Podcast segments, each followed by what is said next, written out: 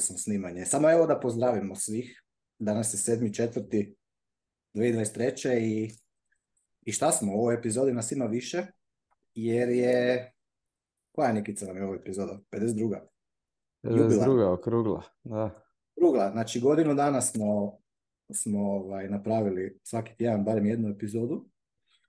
I danas ćemo malo samo evo ovako više uh, lus popričati šta ima novog i tako prije nego što sam počeo snimat smo pričali da bi trebali malo sad evo pričamo i da bi organizirali neki meetup u Beogradu pa i u Istri pa šta ja znam, trebali bi malo početi o tome pričati. Šta kažete vi dečki? Dolazi proljeće. Šta ćemo? Da, bilo, bilo bi red ponoviti eh, onaj na Rabu. Bio je odličan. Sad, eh, negdje drugdje, ne znam, ja bih volio vidjeti e, e, hub u Beogradu, kako su dečki to složili, e, zvuči ono i sve zapravo što je Pavle šerao na Telegramu, e, dijelo je fora i, znam da oni imaju ono regularne meetupe i da ih dolazi više, tako da očito je nekako tamo koncentriran možda najveći dio ljudi tu sad, makar e, regionalno, koji su, koji su članovi grupe, tako da ne znam. Ali bilo bi dobro zapravo postepeno nekako ih napraviti svugdje, šere, pokrit, cijelu regiju. Pa da, mislim, e, da, trebali bi, trebali bi. U biti je najviše, više je stvar po meni da, to vremenski se organizirati nego logistički, to smo baš govorili sad. Ali, ali naći ćemo mi vremena. Izgleda da je Beogradska podružnica više aktivna u mid dok Hrvati to ovako samo vole pričati na internetu. Da, istina. Ma dobro, u Zagrebu je bilo više, više puta su se našli, šta? Jesmo, da, bilo nas je dva, tri puta. E, nas par, da, trebalo bi to i češće napraviti, ja nekako nemam vremena se tim baviti, ali dobro vidio sam sad e, neko, je, neko se joino na Telegram pa je pa je pokrenuo tu priču sad, ajde, nismo sad preko uskrsa i to, ali vjerojatno će biti sad u sljedećim tjednima. Pa da. tako da, vidjet ćemo. Da, čini mi se da, ono, širi se općenito i vidio sam ono i followeri nekako na YouTube-u i, i u Telegram grupu vidim svako malo netko nov, nov joiner, tako da nekako ono, organski raste s cijeli community. Apsolutno, da. Mislim, kažem, ja sam baš mislio ono, cijeli, cijelu turneju onako napraviti, zaokružiti uh, e, tipa ono, doći iz Raba do Rijeke, pa onda možda ići do Istre, pa onda proći preko Slovenije u Ljubljanu stat, pa onda u Zagreb, pa ono, do Osijeka, pa tamo stat, pa onda preći granicu, pa Beograd, pa dolje malo na jug, možda ima neko ko je tamo još, pa onda krenut tamo, šta ja znam, preći u Bosnu, možda isto ima nekoga koji je, na kanalu. Da, napraviš, napraviš, napraviš cijelu turneju. I, I mislio sam to i onako snimit ko, ko nekakav vlog style, tako. I, i to dobro zvuči. Da, baš kažem ti, baš sam pričao sa Gigi neki dan o tome, bili smo ono hodati, ono četiri sata tu u šumi. I, ovaj, I on je rekao da je, tako su oni u Njemačkoj isto napravili, napravili su onako road trip kojiš po samo oni imaju, znaš kako oni imaju tih malih ono, mitapa po, po Njemačkoj, tih njihovog 21. A, ovaj, a onda recimo možemo još, i, još jedan step još gore, a to je da ideš u ove, tipa imaš Njemačku, imaš Italiju, imaš do Turske možeš doći.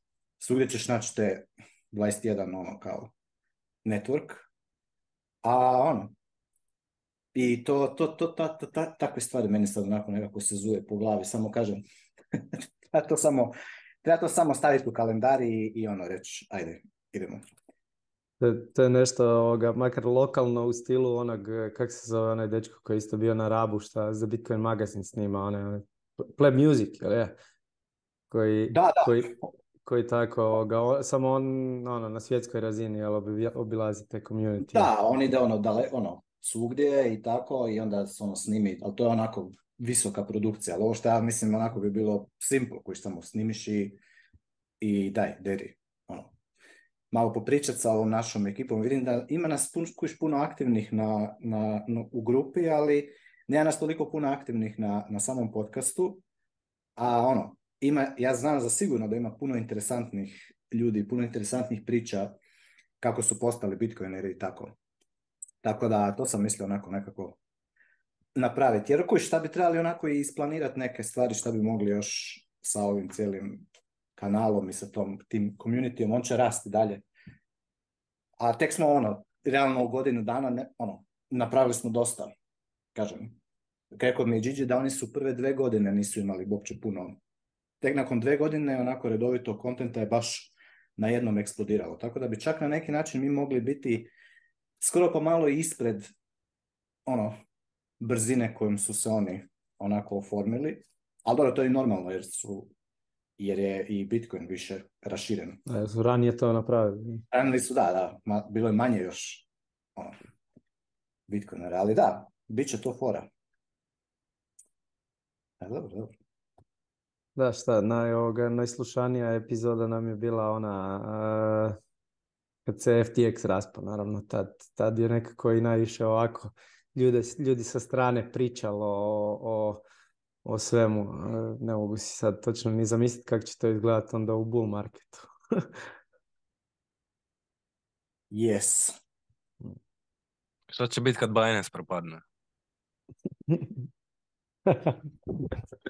da, to čekamo da, CZ rokne, ali ja ne mislim da će on roknuti samo tako. Mislim da oni nisu, da nije to ista usporedba, ali... Ali dobro, ne, da mi ne kaže da šilam previše šitko je to vam se malo bocnuo, Luks, ovako. Ma ne, ovo je šala, ovo ovaj, ne želim bockat. CZ nije, isto što i onaj scam bankster fraud, tako da bit će, vjerojatno će se drugčije odigrati, ali ne vidim dugoročno ni jedan shitcoin kazino da će opstati. To svakako. Ali evo, ne znam da ste to vidjeli, ja sam baš e, pročitao na ovome Stacker News jutros, uh, a jučer ovaj, neki lik je bio u El Salvadoru i napisao onako baš kako, onako, kako to izgleda actually. E, sad nedavno je bio.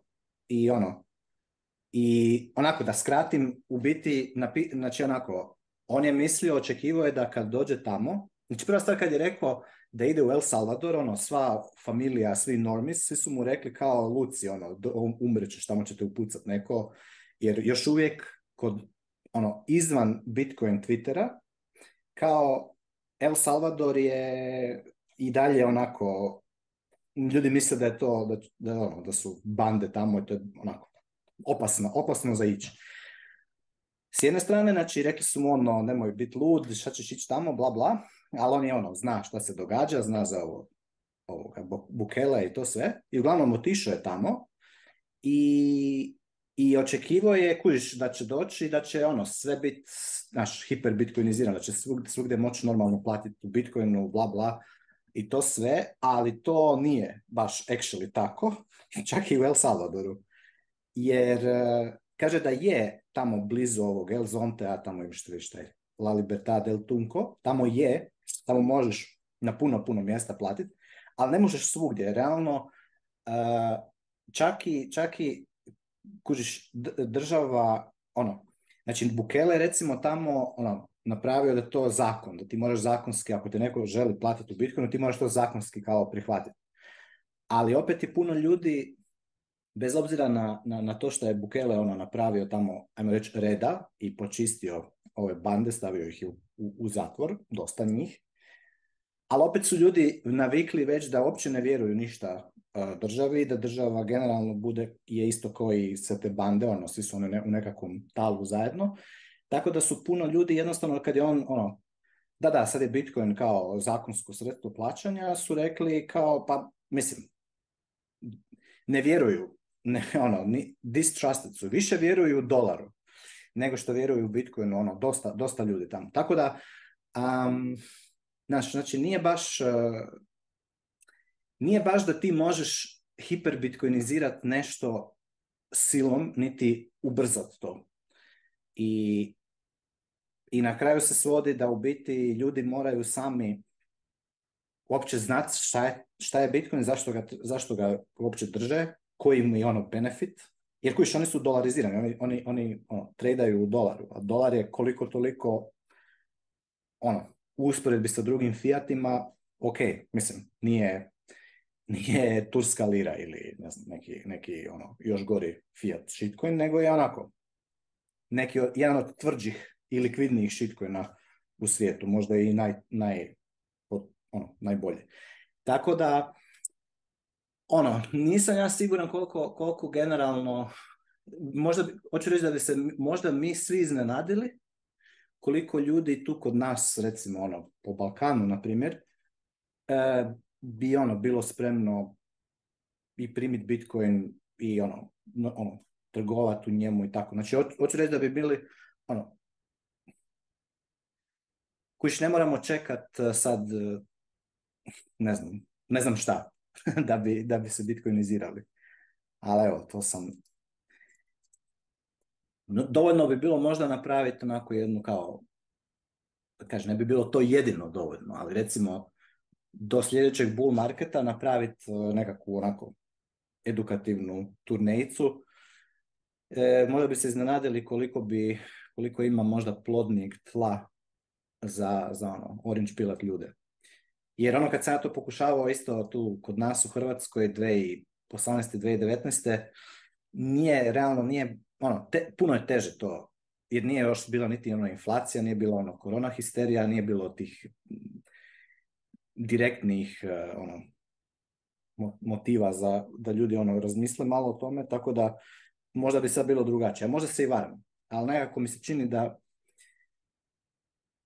da je ono razlika između tipa da, danas, uh, e, ono, 2023. i prije 4 godine, četiri, pet godina je ono, atmosfera mislim da bi bila plodnija danas za, za tako nešto probat napraviti. Ne znam šta vi mislite o tom. Znam da je ovaj Matija imao Evo, ko nije gledao tu epizodu, bila je jedna epizoda kao da li je Bitcoin dovoljan, tako nešto je ili treba nam još nešto da bi se ljudi više ne znam šta, transformirali. Ja sam ovaj, u, zadnjih možda pola godine od te epizode e, skoro sam sebe više radikalizirao u nekom pristupu e, i razmišljanju o, o, generalnoj edukaciji ljudi. Da, je li Bitcoin dovoljan? E, ne, a zašto ne? Zato što e,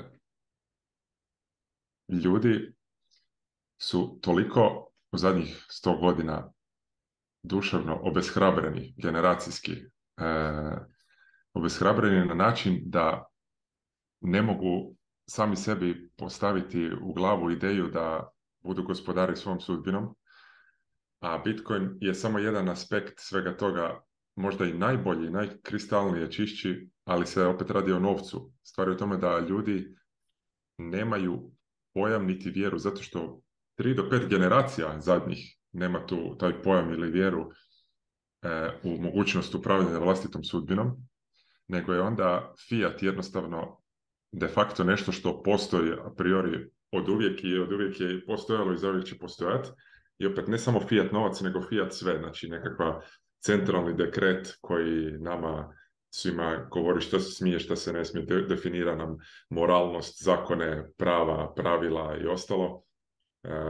E, onaj mim, ti si ga Pao isto spominjao nekad davno onim što bi se desilo da vlada uvede vladino brisanje guzice i onda nakon pet godina kad se to ukine ljudi kažu a ko će nam brisati guzice sada? Znači jednostavno e, Bitcoin nije dovoljan zato što zahtjeva od ljudi određeni level up samo percepcije, percepcije društva i percepcije svega drugog. I možda mi, bitcoineri, ponekad previše agresivno i fokusirano djelujemo samo na taj aspekt novca. I onda ljudima objašnjavamo mi, a vidi, inflacija će ti pojesti sav novac, vidi što se desilo u Njemačkoj, vidi što se desilo u Jugoslaviji, vidi što se sad dešava u Turskoj ili Libanonu i slično nema veze, ako si ti u ostalom, svaki bitcoiner koji je duboko u tome je istovremeno shvatio da je ta fiat priča toliko raširena. I onda mi se uvijek fokusiramo na taj novac, na novac, na novac. Ali opet, ako si ti prosječan čovjek koji jednostavno vjeruje da on nema agenciju nad svojim životom, nego će uvijek autoritet svrha vrha njemu reći što i kako, samim time i pitanje novca je njemu totalno irelevantno. Radi se o tome da će država uvijek nekako riješiti problem novca, jer eto i Njemačka je nakon hiperinflacije imala ajmo reći težak period i danas je Njemačka ok. Znači uvijek će država nekako se oporaviti.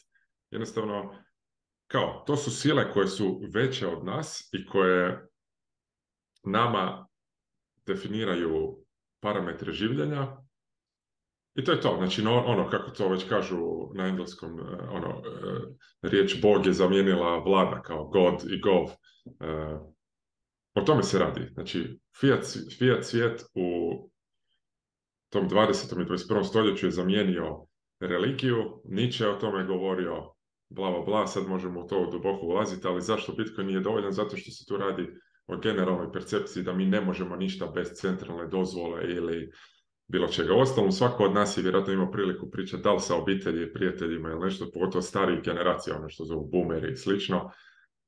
Čak i ako oni na neki način mogu logički pratiti nekakvo rezoniranje o problemima fiat-a, kako to Bitcoin rješava i ostalo, oni jednostavno ne mogu se spiritualno osloboditi od te ideje da netko uvijek treba definirati za nas stvari. E, I o tome se radi. Možda je tu toliko težak taj problem e, pilanja što jednostavno većina ljudi nikad neće biti spremna kroz tako jedno, jedno usko grlo se osvijestiti i, i ono, rasprostraniti svoju svijest i spiritualno se osloboditi od, od svega toga.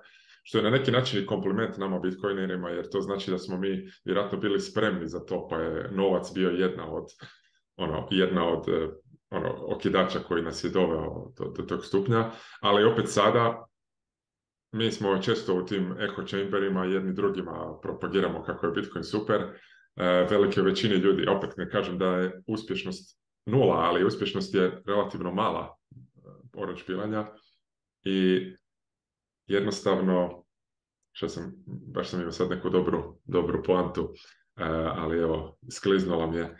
Želio bih reći... Trebamo trebali bi više se zapravo se fokusirati na spasenje duše i, i više da, okrenuti. Ali onda, ali onda, onda zvučimo još gore. to je isto dobro vrijeme za, za, to, barem ovo ali, vrijeme sad.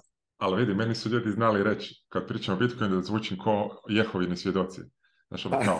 naporan sam i stalno pričam nešto ko kult, a ako onda krenem na spasenje duše, evo onda tek, e, ovaj, evo, glavnom, eto, e, možda bi to neko što ja sad pričam mogu čuti kao pesimistično, ja ne mislim da je to pesimistično, sam i dalje iznimno optimističan i oko Bitcoina i oko Bitcoinizacije. Možda će ona ići nešto malo sporije nego što bi ja to htio, ali evo, kao što si dao primjer, eh, e, čak i primjer toga, tog, write-upa na Stacker News o tome kako ljudi ne prihvaćaju Bitcoin zato što ne, vjeruju vladi, ali opet oni vjeruju Fiatu, oni vjeruju SAD vladi više nego svojoj vladi u konačnici ono, zamijenit ćeš manjeg boga sa većim bogom, ali nikad nećeš sebi dati agenciju. A, a, a opet, opet se radi o istom.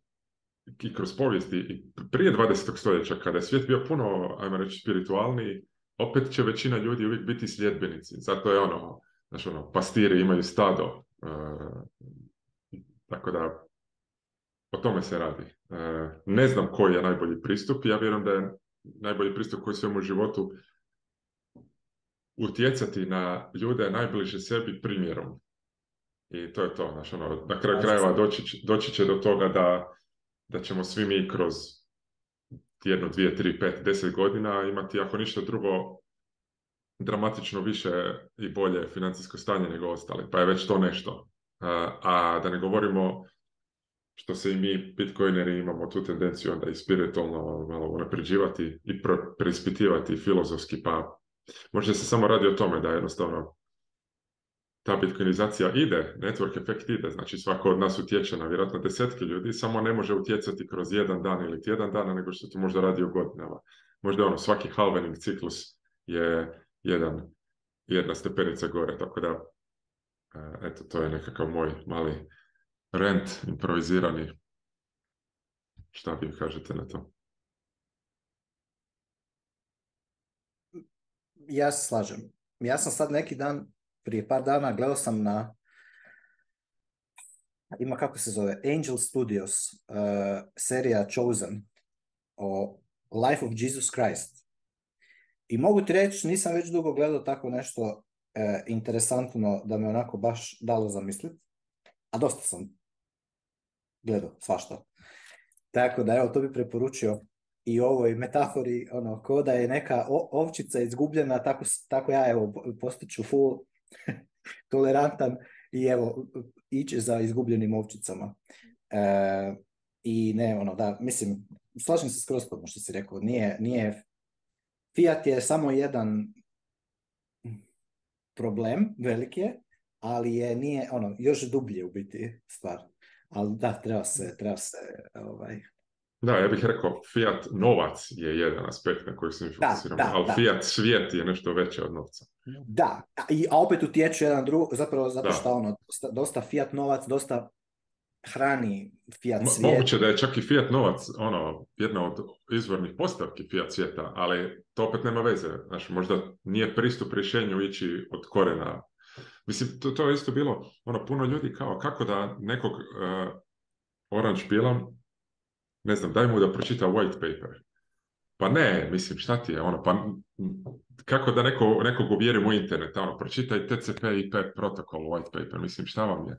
Postoje drugi načini. E, ja mislim da to za, samo za mali broj ljudi je kroz novac ili kroz tehnički aspekt, a ovo je više kroz ne, nešto drugo ne znam, možda trebamo kao katolički misionari ovaj, nešto raditi. Pa ne, da, ne znam da... Reci. Pa ne, slažem se, dobra poanta, e, Matije, i, i razmišljao sam ja o tom, ali onako isto tako, e, sa druge strane, recimo ono, Bitcoin seže u toliko raznih područja, tako da ono što kažu, ono kao svako kupi Bitcoin na cijeni ono, na koje je zaslužio to napraviti ili tako nešto, to je onako na neki način koliko si duboko ušao u određene ono aspekte, ali može doći ono iz neke filozofske prizme, ne, mora to biti samo novac. Sad, ne znam, oni koji su u Bitcoinu, oni pravi OG-evi, ne znam, iz 2010. 2011. oni će uvijek razmišljati o tom tako da cijeli uvijek će razmišljati o tome, o Bitcoinu kao o novcu, ne, i cijeli ovoga recimo mi smo se na prošlom podcastu takli one, one teme maksimalizma, to, to tamo je Jameson Lob dobro opisao, ono kako zapravo imaš razne grupacije ljudi u Bitcoinu ovisno o, vremenu u kojem su ušli u Bitcoin koji onako privukli su ih slične stvari i onda dalje šeraju sličnu misao dalje i tako će vjerojatno ono u budućnosti biti toga sve više i više i ono doći će neka nova grupa ljudi koji će na drugčiji način i možda bliže onda nekome objasniti. Ne znam, mislim, teško je, teško je ovoga, teško je reći da li je Bitcoin dovoljan, samo sam na, na, na, na to htio reći, vjerojatno nije sam po sebi, ali ono ako uzmemo da Bitcoin cijela ta filozofija možda nije samo novac, onda ljudi mogu ovoga i nekim drugim putem doći do, do, do Bitcoina, ne samo kroz, kroz ono financije, kroz novac. Pa možda je onda dovoljno. ja bi se nadovezao. E, Bitcoin definitivno nije dovoljan, ali je neophodan, jer nam novac za civilizaciju je neophodan i ono, bez zdravog novca nema ni zdrave civilizacije. Zato jer novac dotiče sve ono, aspekte ljudskog života i kad su jednostavno poticaji su krivo ostavljeni. Tako da definitivno nije dovoljan. Nije dovoljan isto iz razloga jer neće biti eh, ljudske slobode dok eh, ne bude odgovornosti kod ljudi i ishvaćanja da jedini autoritet dolazi od nas samih, od nikog drugog. I ako se poklanjaš nekom tuđem ono, stranom autoritetu, ti si mu sam dao svoj autoritet, sam si se svjesno odrekao svog autoriteta. Ono, ja se često vraćam na ono prirodno pravo i to je sve povezano i religija i prirodno pravo i općenito. Poanta je u tome da eh, je čovjek otkrio nekakva pravila po kojima bi trebalo živjeti da se može maksimalizirati sloboda na ovom svijetu i to su vrlo jednostavno pravila koja svi znamo, ono, ne našteti drugom, ne ubi, ne ukradi, živi, živi časno. E, vrlo jednostavna stvar koju svi mogu razumjeti. E, poanta je u tome da ih nije čovjek izmislio i postavio ta pravila, nego otkrio. Isto kao razne druge principe iz drugih znanosti, ovo je znanost o slobodi. E, problem je u tome što ljudi su egoistični, pohlepni i tako dalje i onda postavljaju svoja pravila i imaju nagon jednostavno manja skup manjina ima nagon za, za porobljavanje ostalih nekad se to radilo fizički e, danas se to radi malo subtilnije e, papirologijom i ispiranjem mozga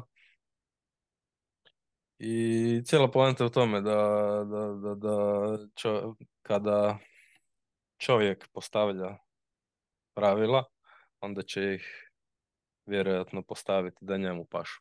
Naravno onda da neće pasati svima ostalima. To je poanta i religije, vjerovanja u Boga i, i, i organizacije društva i, i prirodnog prava. Ja to sam se htio nadovezati. Znači, pročitao sam ja ovaj članak o El Salvadoru, odličan članak i možda nama malo ono koji nismo tamo teško predočiti što kroz to sve Salvador Ranci prolaze i prolazili su jer do prije godinu dana nisu mogli izlaziti van kasnije od šest na večer i odjednom jednostavno im se dešava puno promjena i e, Bukelen nije slučajno da ima veliku popularnost ali e, jer jednostavno svi os, salvadoranci i turisti osjete e, tu veliku promjenu u, u, u miru i nestanku straha od bandi i prestanku samoubojstava. Tako da El Salvador e, jednostavno treba vremena i već sam bio spomenuo, sviđa mi se taj pristup ne odobravam jednog političara, niti želim dodvoravati nešto, ali treba ono, sagledati. Činjenice, oni su uveli zakon da svako, svako svaki biznis mora imati opciju primanja bitcoina. Međutim, oni taj zakon ne enforcaju, već puštaju da to, eh, ajmo reći, raste eh, od dna grassroots i pomalo se to širi od Bitcoin bića nadalje, kao nekakav miceli virus. I mislim da će jednostavno trebati malo vremena proći par halvinga i novih mladih ljudi i, do, dodatnih sranja u ostatku svijeta. Ne znam. Svakako El Salvador jako pozitivna priča.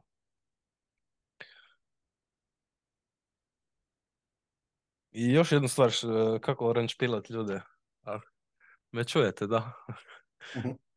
ovaj, e, slušao sam jedan, e, jedan podcast nedavno i uglavnom tip je rekao da ljudi, neki inženjer je bio, e, ljudi razmišljaju u usporedbama, znači za stvoriti neku konkretnu sliku o nečemu trebati pozitiv i negativ i onda imaš cijelu kompletnu sliku i pošto nismo obrazovani o financijskom sistemu i bla i tako dalje i naj, najlakše onda kad se možda možda najefektnije ka, orange pilanje kada se uspoređuje kada im se slikovito prezentira činjenice na Bitcoin standardu i na fiat standardu gdje se jasno vidi taj kontrast ono, i što se tiče inflacije i, i, i, i da, možda ovako. Da se nadovežem na sve što ste rekli do sada.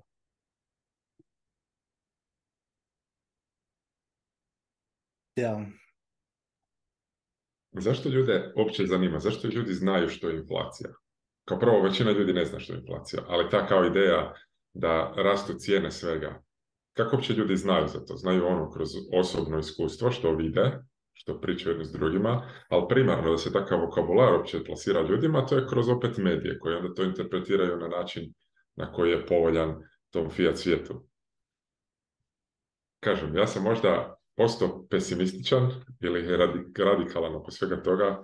Ja zaista e, sam počeo sve više i više smatrati da ta ideja gdje imamo raslojavanja društva ne nužno na klase, nego na više na tu ideju da ono, postoje e, nekakva elita i plebovi, da je to, mislim na kraju krajeva, kroz povijest je tako pokazalo, uvijek je tako bilo, e, tako je nekad bilo, tako je sada, ali onda jedino što možemo tu, na što možemo utjecati kolektivno, ili ne čak ni kolektivno, opet, opet kriva, riječ. Znači možemo ili imati pravu elitu u smislu ljudi koji su zaista na neki način elitni, sposobni, pametni, ono, ako kažemo kad pričamo o elitnim sportašima, znamo na šta mislimo, mislimo na ljude koji su na vrhu nekog svog sporta. A s druge strane, kad govorimo o političkoj eliti danas, to nisu ljudi koji su na vrhu ičega, to su samo paraziti koji su uspjeli kroz dugoročne, dugoročna ono, planiranja i i podjavljivanja ostalih plebova sebe staviti na pozicije moći kroz toliko slojeva abstrakcije kome danas tko odgovara. Ono, zakoni, nisu, zakoni su s razlogom pisani na taj arkejn način. Puno, puno postoji kontradikcija. Nitko od nas ne razumije zakone. E, ono što se uči u, u edukacijskom sistemu nikog ne sprema za realan život opet očekuje se od, od nas normalnih ljudi da propagiramo i podržavamo taj demokratski sustav koji je opet toliko abstraktan i odstranjen od svačih iskustva, zato što opet ta elita koja nama vlada i upravlja, ti e, robovlasnici današnji, koji to radi kroz papirologiju, kako si rekao Lux, to nisu ljudi koji zaslužuju to. To je sve dobiveno kroz nekakvu E, ono, kroz laži i obmanu, a s druge strane nekakva elita u nekakvom starom e, aristokratskom ili društvu ili monarhiji ili slično može biti daleko zdravija zato što je puno manja abstrakcija. E, puno ljudi danas vjeruje za sebe da je slobodno, a istovremeno ne može odlučivati za sebe ništa. Znači, mi svi živimo u, mentalnoj i spiritualnoj kontradikciji. Stalno nam se propagira kako imamo niz ljudskih prava. Postoji UN-ova o ljudskim pravima gdje je izlistano, izlistana hrpa od njih.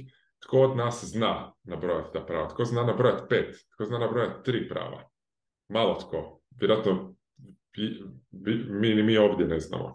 Znači, nama se na, na ono e, kozmički ironičan način ispire mozak da smo mi slobodni agenti, imamo hrpu prava, E, radimo što želimo jer živimo u tom prosvjetljenom dobu kada svako od nas je kovač svoje sreće, a istovremeno ništa od toga nije točno. I korona histerija, kako je Pao voli zvati, isto to demonstrirala. Čisto jedan mali, mali okus toga kako bi bilo da ta eleta, samo malo tih samo malo to twika. Na kraju krajeva pokazalo se da je većina normalnih ljudi, slobodnih ljudi sa pravima bila na strani tih lockdowna, enforcanja, nošenja maski i ostalog. Tu se radi opet o generacijskoj korupciji zato što elita koja je danas elita je korumpirana i slaba. Ono, sa nekom snažnijom elitom bi bilo drugčije. Tako da ja sam uvijek od početka, od kad sam još odubljio u Bitcoin, ona ideja Bitcoin citadela je meni ostala kao nekako konačno rješenje. Ali Bitcoin citadele nisu potpuno egalitarno, slobodno društvo, nego svaka od Bitcoin citadela je individualno u anarhičnom odnosu sa drugim citadelama, ali unutar citadela sama ima pravo urediti svako kako želi. I tako da te slobode koje se nama danas plasiraju kao da svima pripadaju, a ne pripadaju zapravo su nešto s čime se valja eksperimentirati jednom kada se raspadne ovaj fiat svijet. Da se možda vratimo na staro Grčku, polise ili slično. Pa da onda se ima ona prava elita isprofilirati kako već valja i da onda 90%, 95%, 99% ljudi koji žele biti sljedbenici budu sljedbenici, ali da barem znaju kojem su. Tako da ja mislim da nije konačan odgovor. Svako ima svoju savršenu individualnu slobodu i svako je agent svojeg života, jer to nikad neće ljudi niti htjeti biti, nego samo manjak obmane oko toga kako je društvo ustrojeno. To je, ja mislim, ono što je bitno. Na primjer, kao što životinje žive, ono, ti kad živiš u džungli kao životinja, ti otprilike znaš koje je hjerarhijski u tom e, prehrambenom lancu iznad i ispod tebe i nema tu nikakve, nikakvih nejasnoća. I svako živi tamo gdje treba živjeti. Tako da i ljudi mislim da mogu i većinu vremena su i tako živjeli. Ali eto opet, da li zbog novca, zbog tehnologije, zbog kombinacije nekoliko faktora zadnjih sto i nešto godina smo dobili svijet u kojem ironično svako je učen da ima prava i slobode, a nitko nema prava i slobode. I to mi se radi. Tu je, tu je. Većina ljudi želi biti vođena, ne želi većina ljudi brinuti o svojim stvarima. To je i Pavo isto govorio, ako na kraju krajeva onaj argument custody Bitcoina, da li želiš imati self custody ili želiš custody, imati i nakon hiperbitkoinizacije većina ljudi će rađe imati da im neko čuva bitcoin, neko im pruža uslugu čuvanja bitcoina nego da čuvaju sami svoje. Mi bitcoineri smo drugčiji, pa samim, time mi imamo ono samo selekciju da budemo veći agenti nad svojim, svojim imovinom i svojom slobodom, pa smo i tam samim time nabrijali na cold i imunove i takve stvari gdje imamo self-custody, ali sutradan znam da i moje obitelji i moji prijatelji, većina njih neće to htjeti raditi, nego će reći, eto, Matija, čuvaj ti meni moj Bitcoin kroz ovaj tvoj Fedimint ili nešto drugo. Tako da, e, ono, možda da, da, da dodam malo subtilnosti na taj argument slobode, da većina ljudi u, u konačnici zapravo i ne žele biti skroz slobodna i ok je s time. Samo da nema laganja, samo da nema laganja. Htio bi se nadovezati e, si rekao da nam nabrajaju prava koja imamo i onda je beskonačna lista. Ono. E, to je taj e, način na koji se kor ne znam kako da se izrazim, da kompartmentalizira ili neki e, deminutizam toga ćemo ja pričam, oni, ona pravila jednostavna, znači nema potrebe nabrajati ni raditi listu, lista je beskonačna, imaš jednostavna pravila po kojima se ravnaš i onda znaš da li je nešto right ili wrong, ono. i to je tvoj autoritet da, da, sam procijeniš šta je šta. I pritom preuzimaš apsolutnu odgovornost za svoje postupke. Ono, nije sloboda raditi šta te volja, nego sloboda znači preuzeti odgovornost. Ono. I to je cijela poanta. E, I mi ne znamo zaštititi svoja prava i uspostaviti svoj autoritet jer nas niko nije naučio jednostavno. A to nije ono znanstvena fantastika, radi se jednostavno o papirologiji, o, o, o načinu postupanja sa u javnosti i o ugovorima jednostavno. Svijet funkcionira na ugovorima. Spomenuo si Citadel isto. Neće biti puno drugačije, biti će drugčija svijest i razina, razina svijesti, ajmo tako reći, ali i dalje će to funkcionirati na ugovorima među ljudima i među korporacijama. Mm, razlika je samo u tome da će ljudi biti svjesni e, da su oni autoritet, a ne neko izvanjsko ne, neka i vanjska sila i pri ugovaranju sa ostalima će, ono, su svjesna bića, ono, nisu djeca, da se tako izrazim. Da, ali ja, ja, ja kažem da jesu. Većina ljudi je dijete. I zato da, da, ne želi odgovornost. To je tako, da. I, o tome se radi. Ono, da, možemo, možemo reći da u tom prosvjetljenom društvu svako od nas razumije da ima ugovorni odnos jedni s drugima i to je vjerojatno točno, ali osim kad nije točno. A to je kada ljudi ili nisu svjesni svojih eh, ajmo reći prava ili kada netko bira kršiti to jednostavno. Znaš, ono, ako ja i ti imamo ugovorni odnos, ali ja onda odlučim to kršiti kroz upravo, ne znam, fizičke sile. Mislim, razumijem da kroz dovoljno ne, ne, dugo vremena i kroz dovoljno ne, ne, ne. smiješ ti kršiti ugovorni odnos, ali moraš biti svjestan šta je ugovorni odnos i koje su tvoje prava i ob- obaveze. Ono.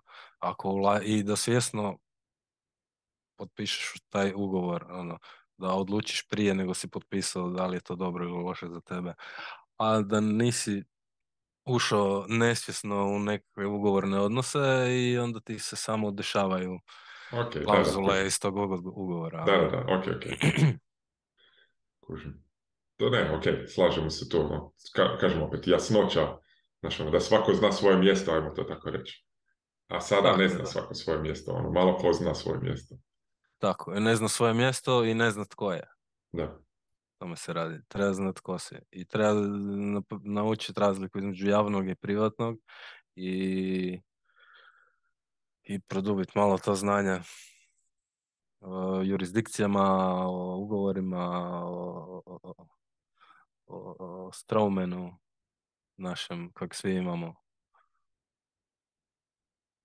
I, i takve stvari.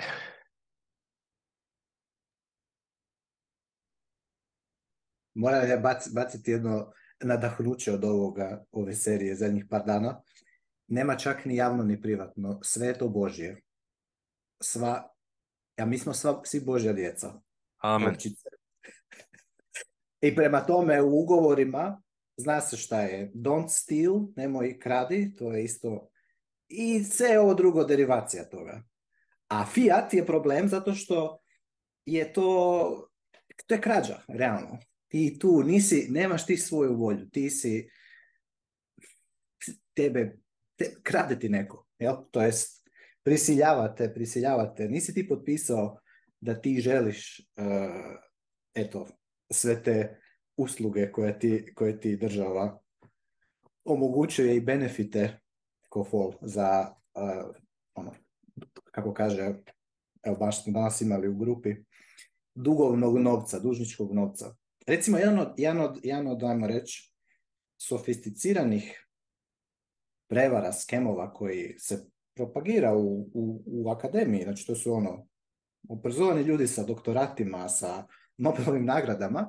I recimo jedna ideja da ako da neće biti dovoljno novca u optjecaju i da će onda društvo patit, Jer normalno svi, svima treba.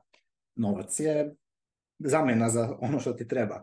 I ako nema ga dovoljno u količini, a onda je društvo pati jer će neki ljudi ne žele svoj novac potrošiti ili...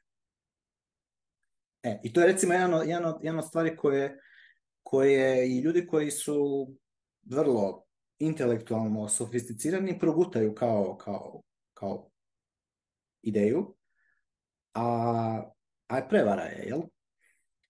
Tako da, da, u biti je... E, Ali to, je, to je samo ta elita koja su nesposobni i paraziti. Da. Samo se tome radi. Zato što ljudi koji imaju autoritet mogu bi tako, tako retardiranu dječju ideju držati u glavi i da. to je to. Jer, evo recimo baš je bilo u ovoj seriji, mislim fascinantno, to je ovaj Matej, ne, Matthew koji je... By the way, Chosen, super je serija. Ono, odlično, ne preporučam. Nisam, ne, kažem, by the way, znači serija nije snimljena ono u Hollywoodu i to, nego kompletno crowdfundan ono projekcije na trećoj, na trećoj sezoni i koliko znam htjeli bi snimiti sedam sveukupno sezona. Znači nije onako film samo, nego je baš serija dugačko i jako, jako dobro snimljeno, jako dobro... Eh, ja sam znači uvijek skeptičan malo prema tim, znaš, ono, JC kontentu eh, koji, jer puno tu ima svakakvih, ali evo, mogu reći da je ono, dobar, dobro je, vrijedi, vrijedi pogledati. Ali htio sam reći, evo, mislim baš evo, za, za argument za ovu ideju da li je Fiat dobar, jer tu smo imali u grupi da je Fiat može biti, može imati pluseve i minuseve za društvo. Recimo, plusevi bi bili ti da imaš dovoljno novca u opticaju jer možeš uvijek kreirati više novca, zaduživanjem, ne? Izda, ako imaš neku super genijalnu ideju, pa onda ćeš dobiti kredit za tu genijalnu ideju, zadužit ćeš se i tako ćeš kreirati više novca, što onda je dobro za, jer čuj, ljudi bi patili da, da imaš samo fiksnu količinu novca, eto kao što je u Bitcoinu 21 milijuna. Znači ne može nego kreirati sad više uh, samog Bitcoina. A ovaj, ali je dobro u seriji bilo prikazano zato što tada, to je davno, to je bilo ono, pred koliko, 2000 godina ili više, uh, znači ono, ljudi su imali zlato, imali su srebro, eventualno nešto još, bilo koji drugi još e, e, imovinu koju su koristili kao novac, kao sredstvo razmjene za ono što im je trebalo, ali ovaj tadašnje, u tadašnjem doba je ono, ubiranje poreza je bilo toliko hipereksplicitno da je svima bilo kristalno jasno šta se dešava. Znači, tamo je bio nekakav rimski ono e, vojnik koji je čuvao tog koji je ubirao porez i ti si morao svaki, ne znam sad koliko su često, možda svaki mjesec ili koliko često, si morao donijet svoju, svoj porez kod njega, tamo on je bio onako onoj e, u kavezu zaštićen i on bi ono brojao i gledao koliko si ti,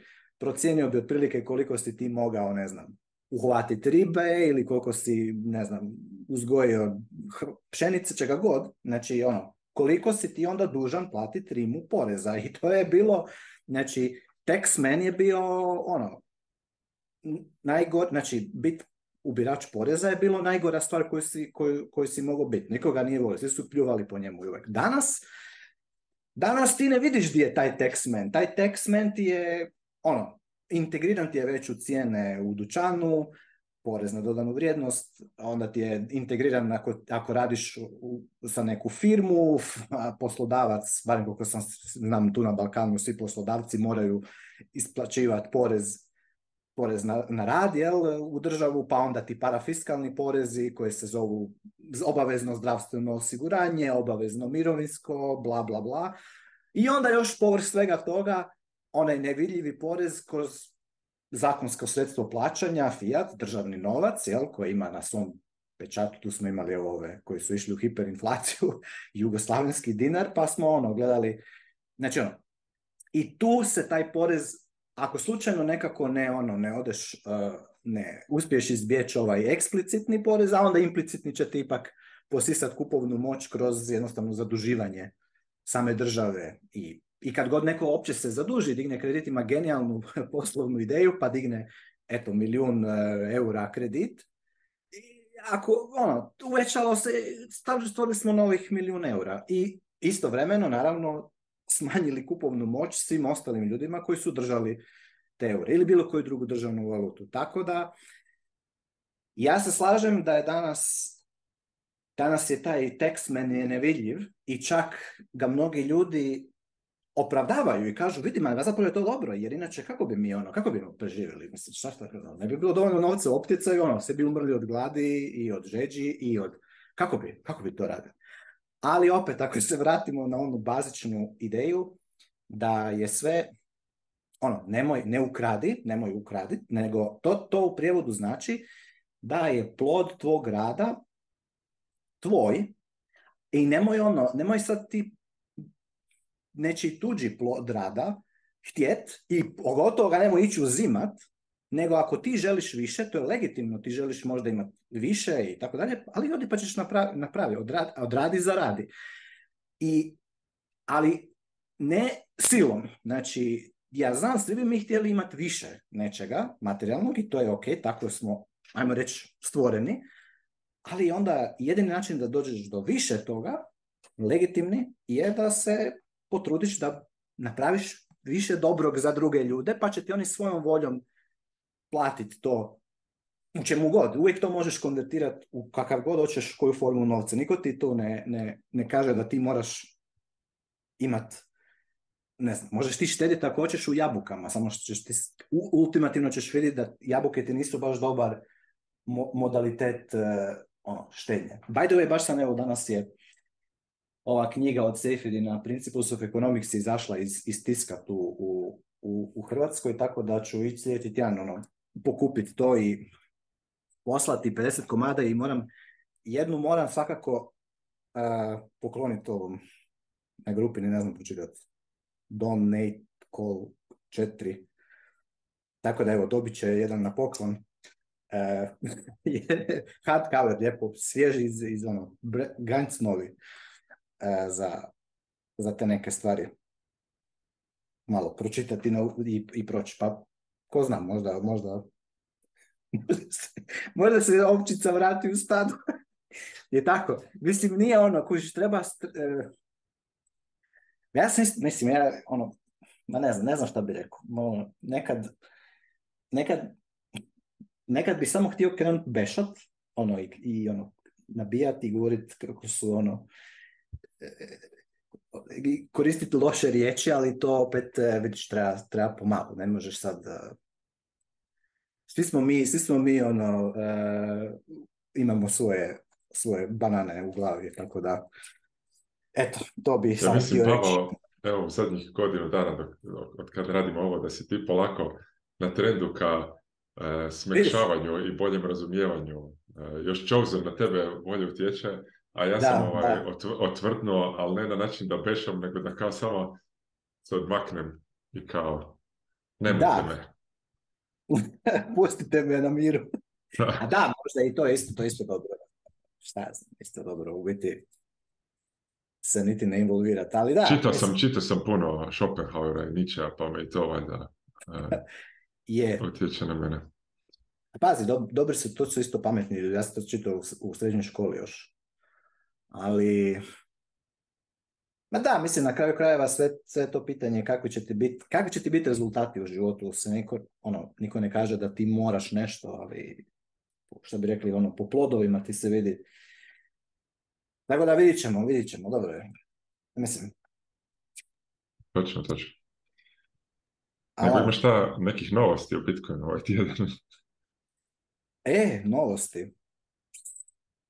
Mislim, ne znam da li je to novost, ali vidio sam da je procirkuliralo u zadnjih par dana da ono, da je da je ono easter egg kao u Apple kompjuteri Bitcoin white paper, ali negdje sam isto vidio da je to još od prije, neko je valjda iskopao da je to mhm. još od ne znam kada, ali evo sad je baš, mislim, potvrđujem je, što sam ga ja na svom laptopu i to je recimo nešto što ono, bilo bi jako interesantno, mislim dobro, opet je pitanje sada da li može Apple, definitivno tamo ima ono, bitcoinera, a pitanje je do kud, znam da je ovaj Tim Cook imao jedan intervju gdje je rekao kao da, je, da mu je to interesting, da ono proučava, da definitivno ne dismisa uh, Bitcoin, kao što recimo ga dismisa Bill Gates, ali eto, um, bilo bi jako, jako bi bilo fora kad bi recimo ne znam da će se to desiti nužno u ovom ciklusu, ali ako se možda čak i desi u sljedećem ciklusu da vidimo,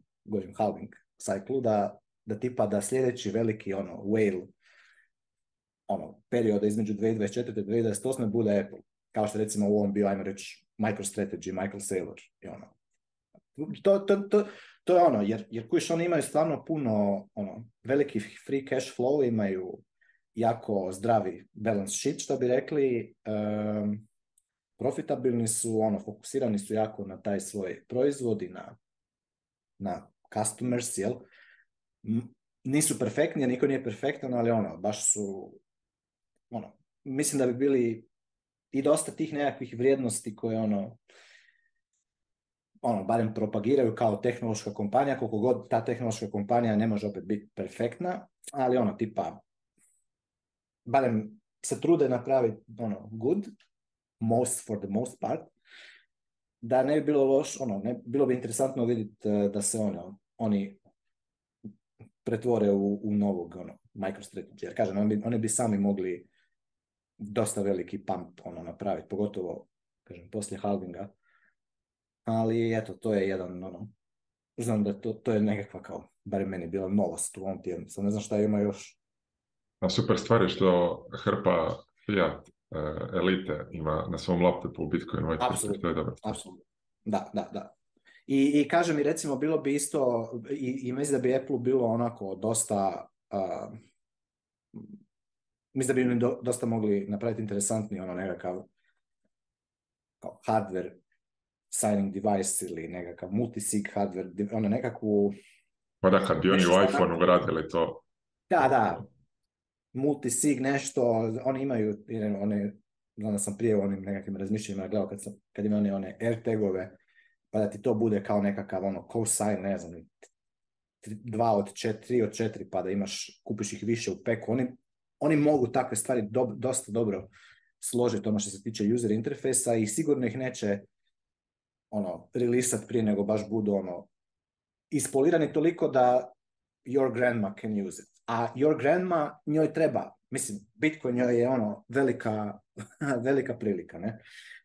Iako sada ono bakicama je ono ova situacija sa, sa dizanjem kamatnih stopa zapravo nije toliko loša jer se im se ono ipak malo otvorile mogućnosti štednje, opet je to ne znam koliko će to dugo trajati realno ono sad a isto ono ljudi moraju i prebaciti novce iz banke u, u nekakav money market fund da bi makar nekakav prinos dobili, nekakav 3, 4, 5% možda. A opet kažem, vidit ćemo koliko će dugo, to, koliko će dugo taj, taj e, tvrđi malo fiat trajat. E, ali u svakom slučaju dobro bi to bilo. Mislim, vidim, vidim tu pozitivni, pozitivni potencijal za Bitcoin. Mada sve je dobro za Bitko tako da. Ali Lux, ti si imao, ti imaš novi članak. E, Tako je, upravo sam izbacio, e. dovršio ovaj dugačak prijevod. Trebalo mi je mjesec dana. E...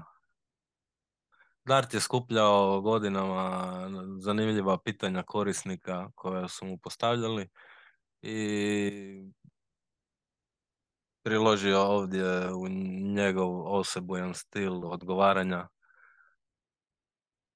Pa ima zanimljivih stvari, ono, svako može nešto naučiti, ja sam isto nešto naučio.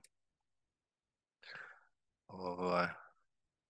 Više, prem, više okrenuto za početnike, ono, bez puno tehničkih e, pojmova i mhm. bez ulaženja ono, duboko u, ono, u tehničke stvari. Tako da može svaki početnik naći sigurno nešto što ga zanima. Da, to, ćemo ostaviti, neka ljudi pročitaju. Uh, odlično. Ovaj, ne znam da ste gledali, da ste vidjeli ovo isto što je neko, neki novi ordinals, ordinals-like protok, mislim protokol, način kako mogu staviti, mislim se zove stamps, stamp chain, Bitcoin stamps.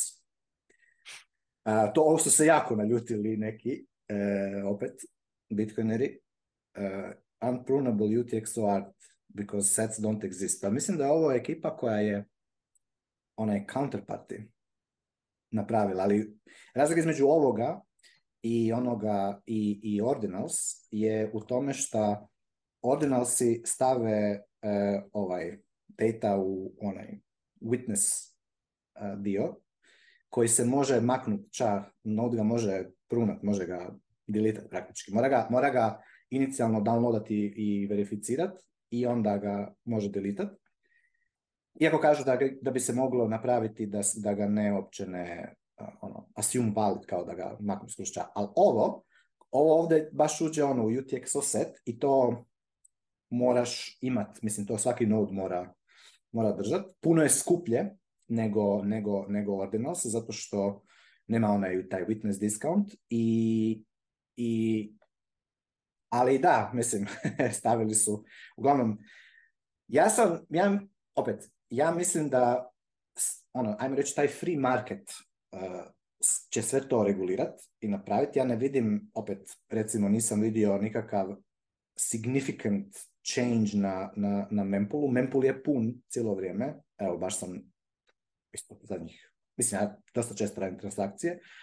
Tako da, ono, dalje nije to, ono, Mempul je pun, krcat, ali realno 30 centi ti je za, za, za napraviti transakciju koja će ti ući u sljedeći blok. E, znači, ako radiš nekakvu financijsku transakciju, ono, on-chain, mislim, platit ćeš, to, to, je ništa, s, s obzirom šta radiš, radiš final settlement, ono, forever a, i, i nemaš, e, nemaš elasticitet te, te cijene za, za vrijednost. Znači, ne skalirati se ta, ta cijena s obzirom na to koliko, ono, da li ti šalješ 100 dolara, 1000 dolara ili 100 milijuna dolara, transakciju uvijek ćeš platiti toko 30 centi ako hoćeš iz u sljedećem bloku. Tako da imamo plus Lightning, naravno. Tu Lux može puno više još reći. Tako da, ono, da, kužim da su ljudi ono neki nabrijani zato što i se ovo može protumačiti kao spamanje.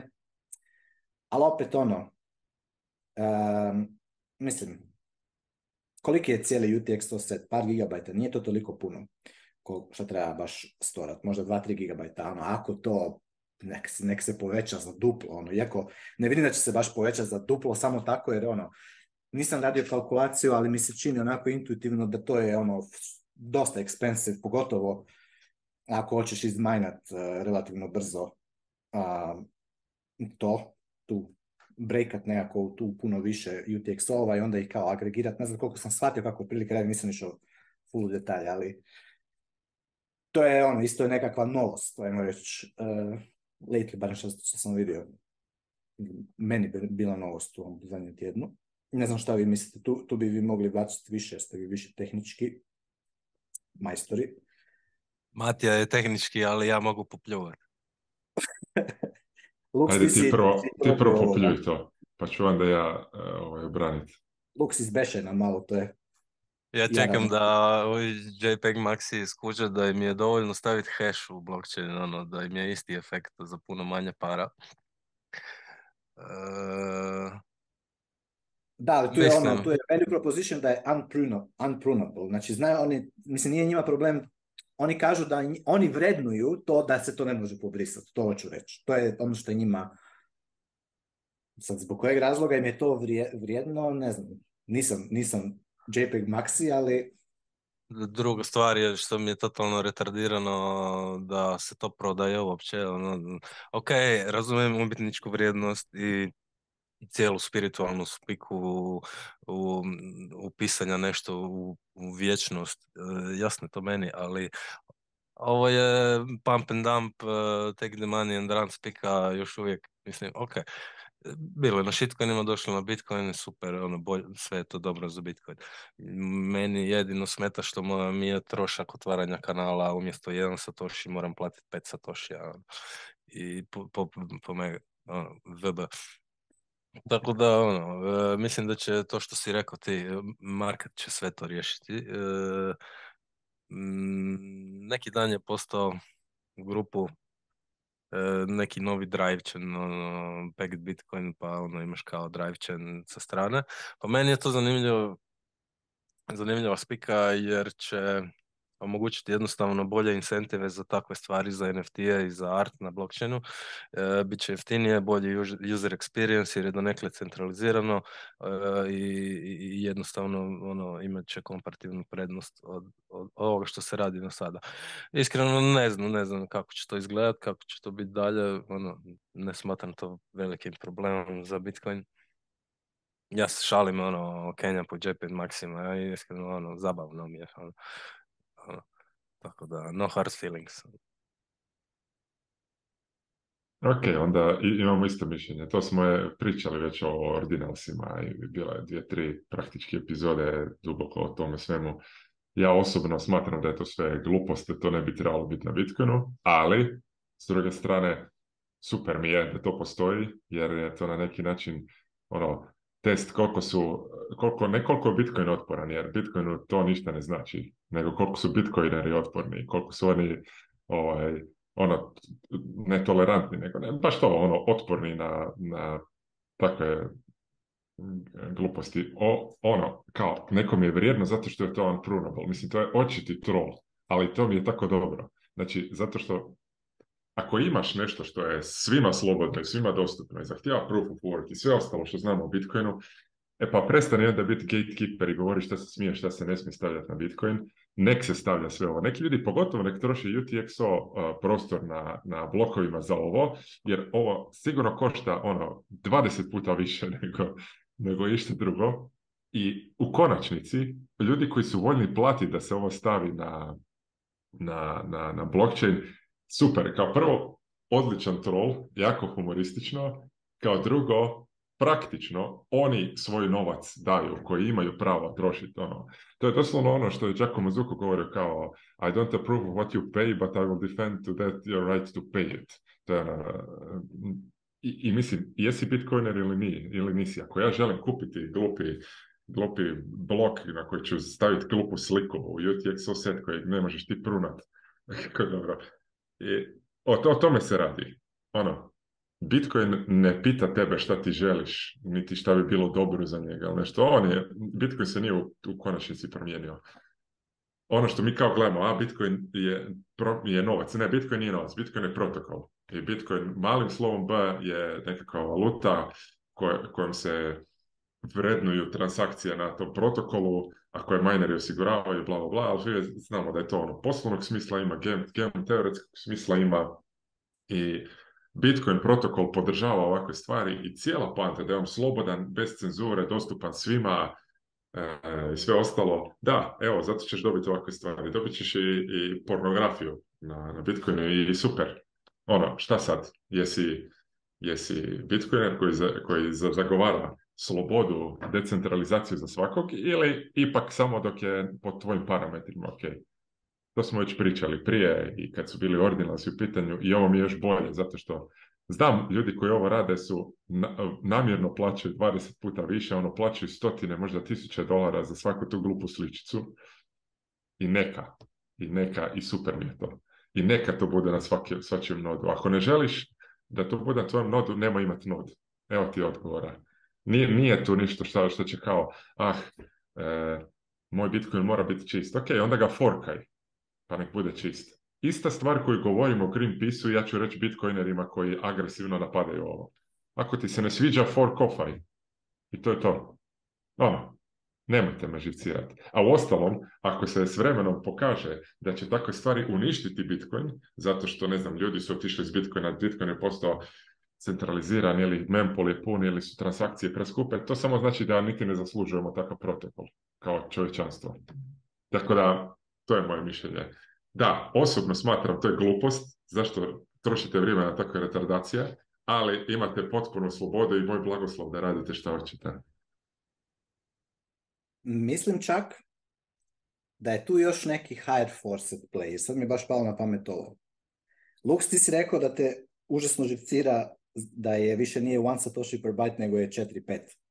Sad smo gledali, to je 30 centi otprilike sad. Ne, ne, ne, ne, mislio... ne živcira me, to je jednostavno ono, eksternalija.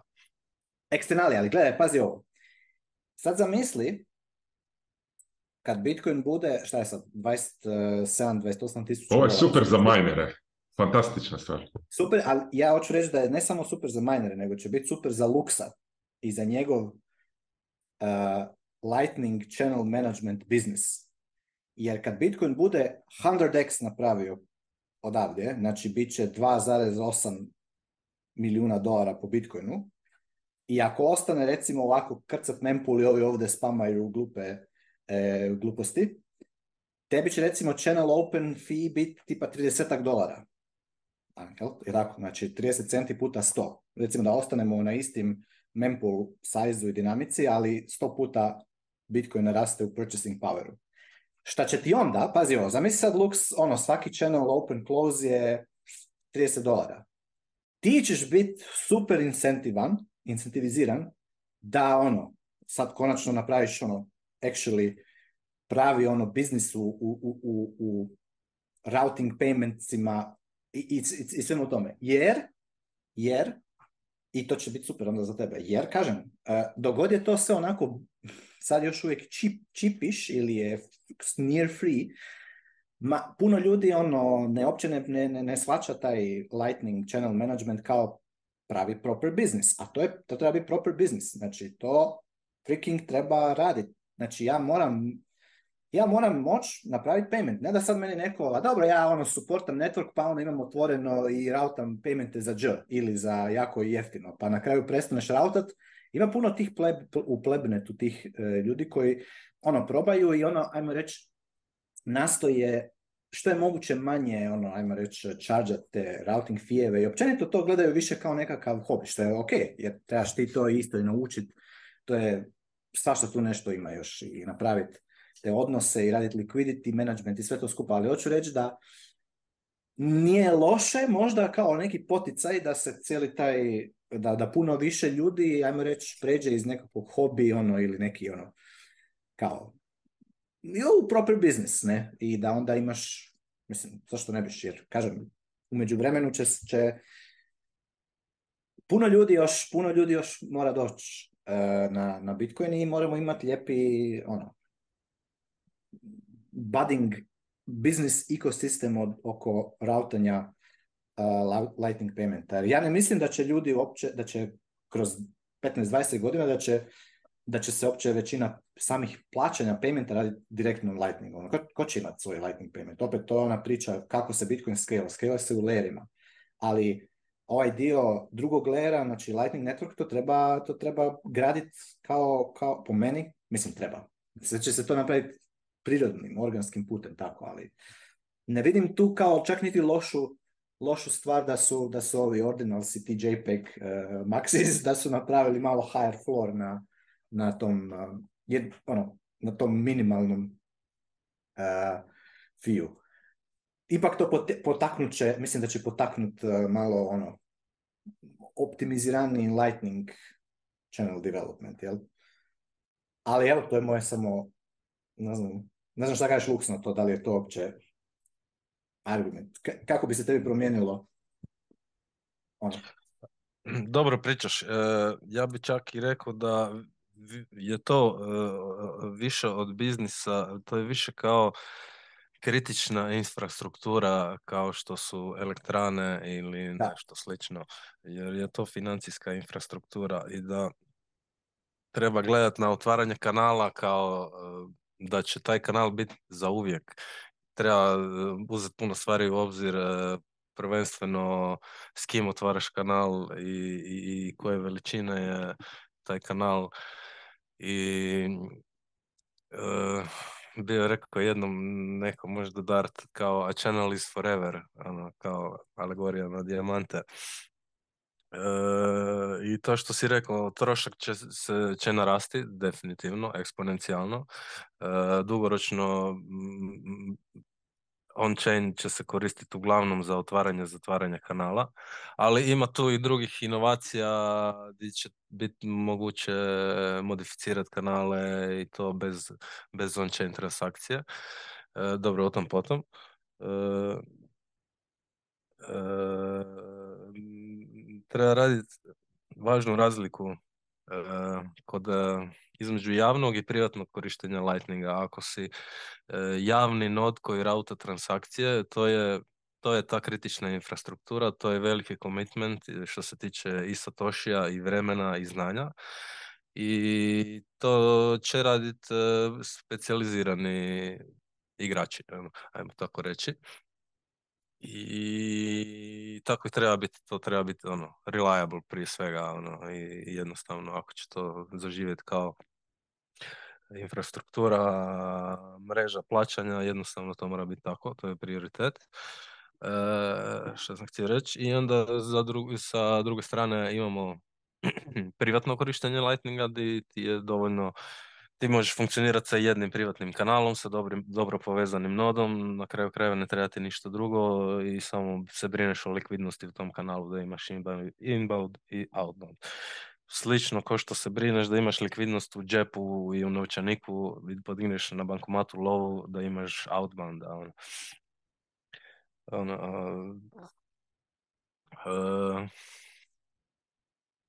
uh, sam drugo? I, i to će omogućiti zato volim Blix, na primjer, jednostavno jer imat ćeš nod u džepu, e, otvorit ćeš kanal kad hoćeš s kim god hoćeš i, to je po meni tako sam ja barem zamišljao Lightning kad je tek u početcima se počeo pričati o tome, e, moći ćeš tvariti kanale s kim god hoćeš.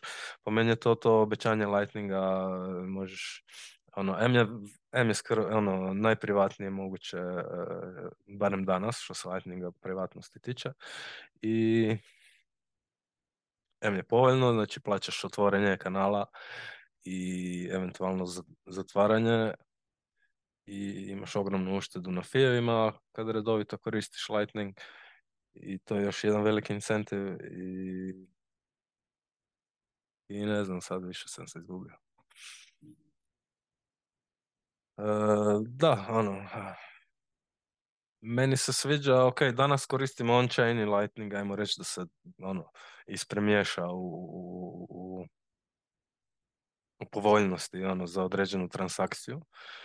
Međutim, dugoročno će se velika većina transakcija, ako ne i sve ono, redovne transakcije, nećeš po meni ono, bit će korisnika koji neće u životu taknuti on-chain jer jednostavno neće imati potrebe, neće im se to isplatiti. Ono, ono dugoročno gledano, ko zna kakva će još, kakva će još sve inovacije vladati, ono, teško je prognozirati, ali barem po današnjem stanju Bitcoina i Lightninga, to je nekakav put koji ja vidim dugoročan. Jako dobro. Ja ovaj, momci, ću vas morat sad napustiti.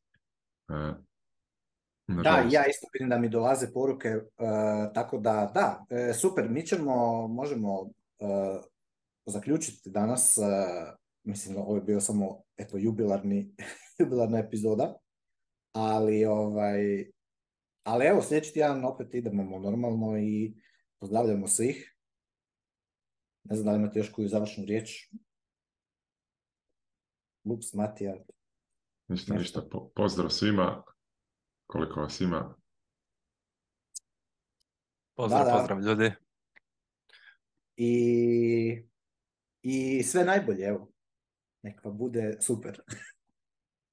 Ej, ovo ovaj, je, sorry, e, imam ja za e. reći. Ne znam da li smo spomenuli. Danas je godišnjica Pavlenexovog Pavle tvita, e, ka, nakon čega je nastala cijela ova priča 21 Balkan i eto razloga za proslavu i želio bi čestitat i, i, skinut kapu u tebi Pavle jer si stvarno jedin najkonzistentniji i ono svaki tjedan si tu na podcastu i, i svim ostalima koji su sudjelovali i što sam htio reći da, moramo jedan put e, neko, e, Pavle, Pavle next moramo ga uhvatiti e, za da, ali da je u pozadini ovaj hub, tako da budemo, da vidimo kako to izgleda iz, ajmo reći, live Sve ćemo mi to, sve ćemo mi to napraviti. ovaj, tek smo počeli, šta je to? Godina Zagrijavamo se. A to je ono, to, je mali toddler, nije to, nije to još, nije to još niš. Ništa, ajde, pozdravljamo i, i vidimo se sljedeći tjedan. Pozdrav.